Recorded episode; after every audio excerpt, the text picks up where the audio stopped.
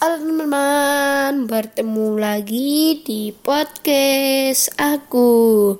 Di podcast kali ini aku akan menjelaskan tentang bebek bacem. Kita akan membuatnya guys, yaitu cara membuat rendam daging bebek dengan air jeruk nipis dan garam. Nah, fungsinya agar nanti dagingnya tidak kecium amis teman-teman. Yang dua, masak daging bebek dengan air kelapa. Nah kita harus masak daging bebek dengan air kelapa ya teman-teman. Lalu bumbu halus daun salam lengkuas. Nah masukin semuanya teman-teman.